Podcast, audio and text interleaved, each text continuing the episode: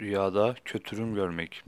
Kişinin rüyada kötürüm olduğunu görmesi acizlik ve mahrumiyete işaretli yorumlanır denilmiştir. Kötürümlük murada erememek, arzusuna kavuşamamak ve mahrum olmayı işaret eder şeklinde yorumlanır.